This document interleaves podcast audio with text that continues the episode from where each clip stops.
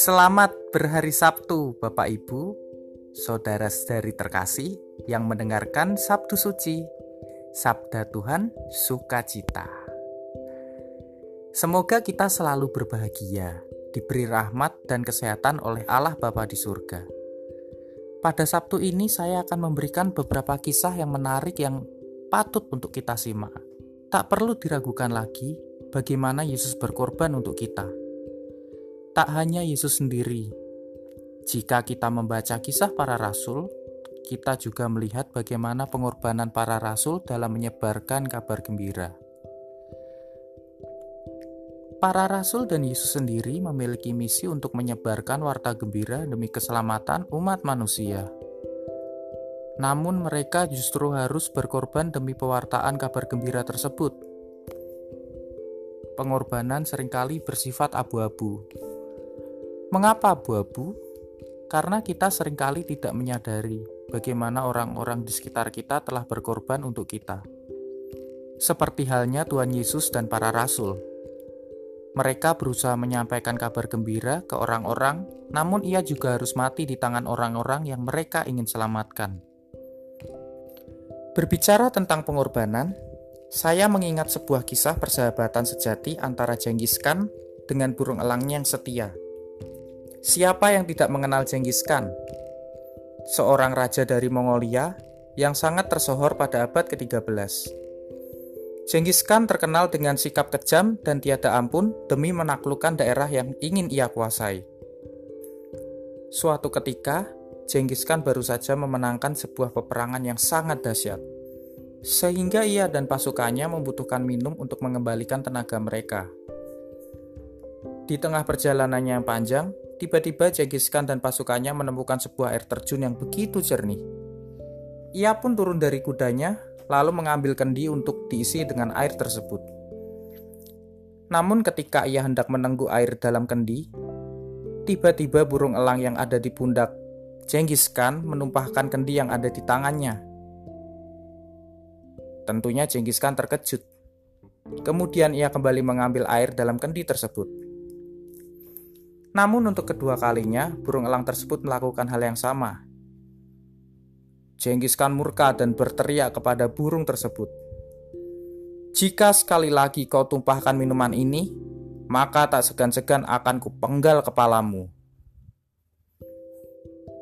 Untuk yang ketiga kalinya, Genghis Khan mengambil air di air terjun itu dengan menggunakan kendi namun ketika hendak meminumnya, lagi-lagi burung itu kembali menumpahkan kendi tersebut. Hilanglah kesabaran Genghis Khan.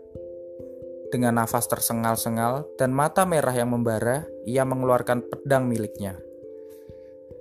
Lalu tiada ampun memenggal kepala burung elang tersebut. Seketika burung elang tersebut langsung tersungkur ke tanah dengan kepala yang sudah terpisah dengan tubuhnya.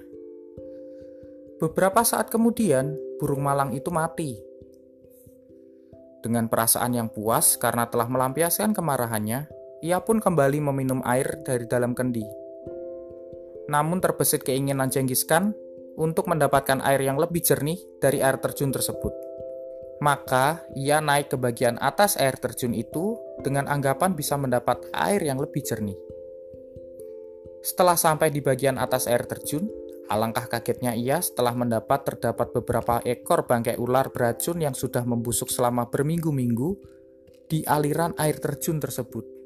Melihat hal itu, Genghis Khan pun terkulai dan tersungkur ke tanah. Ia kemudian menangis sejadi-jadinya. Ia bersedih karena telah membuat sebuah kesalahan besar, yaitu membunuh seekor elang yang berusaha menyelamatkan nyawanya. Akhirnya, Genghis Khan pun mengumpulkan seluruh pasukan untuk mengadakan sebuah upacara kematian. Di tengah acara pemakaman tersebut, Genghis Khan berpidato dengan suara bergetar. Wahai pasukanku, hari ini telah mati seorang prajurit yang telah menyelamatkan nyawaku dari kematian. Ia telah berjasa besar bagi kita.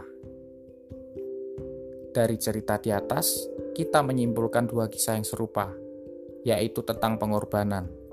Burung elang yang telah menyelamatkan hidupnya itu pun dimakankan secara terhormat di depan seluruh pasukannya. Seperti halnya Yesus yang rela berkorban untuk menyampaikan kabar gembira, burung elang sahabat Jenghis Khan juga mengajarkan kita tentang sebuah pengorbanan sejati. Seperti halnya Yesus yang rela didera, disiksa, diludahi, bahkan mati di kayu salib untuk berkorban demi orang yang telah menyakitinya. Lalu, sudahkah kita semua berkorban untuk orang lain pada hari ini?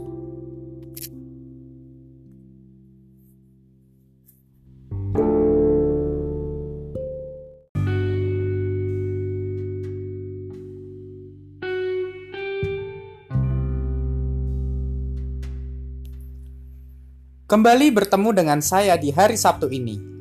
Sabtu suci, Sabda Tuhan, sukacita. Gembala yang baik memberikan nyawanya untuk domba-dombanya. Seperti yang tertulis pada Injil Yohanes bab 10 ayat 1 sampai dengan 8. Bagaimana kita mengenal Yesus yang sering dianalogikan sebagai sosok gembala dan kita adalah domba-dombanya. Yesus telah membuktikan jika gembala yang baik adalah gembala yang rela berkorban demi domba-dombanya. Bahkan hubungan gembala dan domba menurut Yesus sebagai hubungan gembala tidak seperti tuan dan hamba, namun hubungan sebagai seorang sahabat. Sangat jelas tertulis di Injil Yohanes bab 15 ayat 15. Aku tidak menyebut kamu sebagai hamba, sebab hamba tidak tahu apa yang diperbuat oleh tuannya. Tetapi aku menyebut kamu sebagai sahabat, karena aku telah memberitahukan kepada kamu segala sesuatu yang telah kudengar dari Bapakku sangat jelas jika Yesus sendiri menginginkan hubungan kita dengan Dia adalah hubungan seorang sahabat.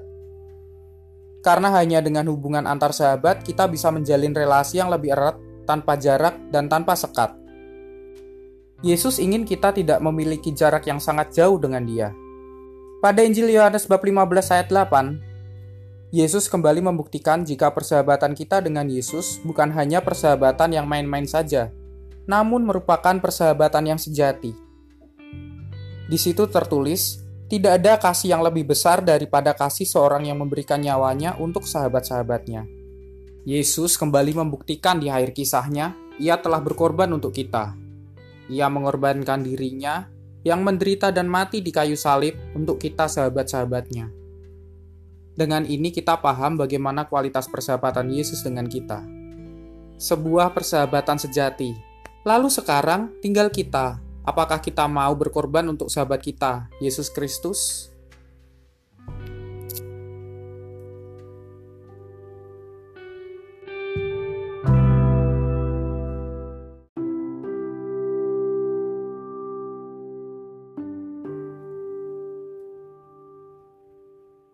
Kembali bertemu dengan saya di hari Sabtu ini. Sabtu Suci Sabda Tuhan, sukacita. Gembala yang baik memberikan nyawanya untuk domba-dombanya. Seperti yang tertulis pada Injil Yohanes bab 10 ayat 1 sampai dengan 8. Bagaimana kita mengenal Yesus yang sering dianalogikan sebagai sesosok gembala dan kita adalah domba-dombanya? Yesus telah membuktikan jika gembala yang baik adalah gembala yang rela berkorban demi domba-dombanya. Bahkan hubungan gembala dan domba-dombanya menurut Yesus sebagai gembala yang tidak seperti hubungan tuan dan hamba, namun hubungan sebagai seorang sahabat. Sangat jelas tertulis di Injil Yohanes bab 15 ayat 15. Aku tidak menyebut kamu lagi hamba, sebab hamba tidak tahu apa yang diperbuat oleh tuannya. Tetapi aku menyebut kamu sahabat, karena aku telah memberitahukan kepada kamu segala sesuatu yang telah kudengar dari Bapakku. Sangat jelas, jika Yesus sendiri menginginkan hubungan kita dengan dia adalah hubungan seorang sahabat. Karena hanya dengan hubungan antar sahabat, kita bisa menjalin relasi yang lebih erat, tanpa jarak, dan tanpa sekat. Yesus ingin kita semua tidak memiliki jarak yang sangat jauh dengan Dia. Pada Injil Yohanes bab 15 ayat 8, Yesus kembali membuktikan jika persahabatan kita dengan Yesus bukan hanya persahabatan yang main-main saja, namun merupakan persahabatan sejati. Di situ tertulis, tidak ada kasih yang lebih besar dari kasih seorang yang memberikan nyawanya untuk sahabat-sahabatnya. Yesus kembali membuktikan di akhir kisahnya, Ia telah berkorban untuk kita. Ia mengorbankan dirinya yang menderita dan mati di kayu salib untuk kita, sahabat-sahabatnya. Dengan ini kita paham bagaimana kualitas persahabatan Yesus dengan kita. Sebuah persahabatan sejati. Lalu sekarang tinggal kita. Apakah kita mau berkorban untuk sahabat kita, Yesus Kristus, seperti yang telah Ia lakukan kepada kita?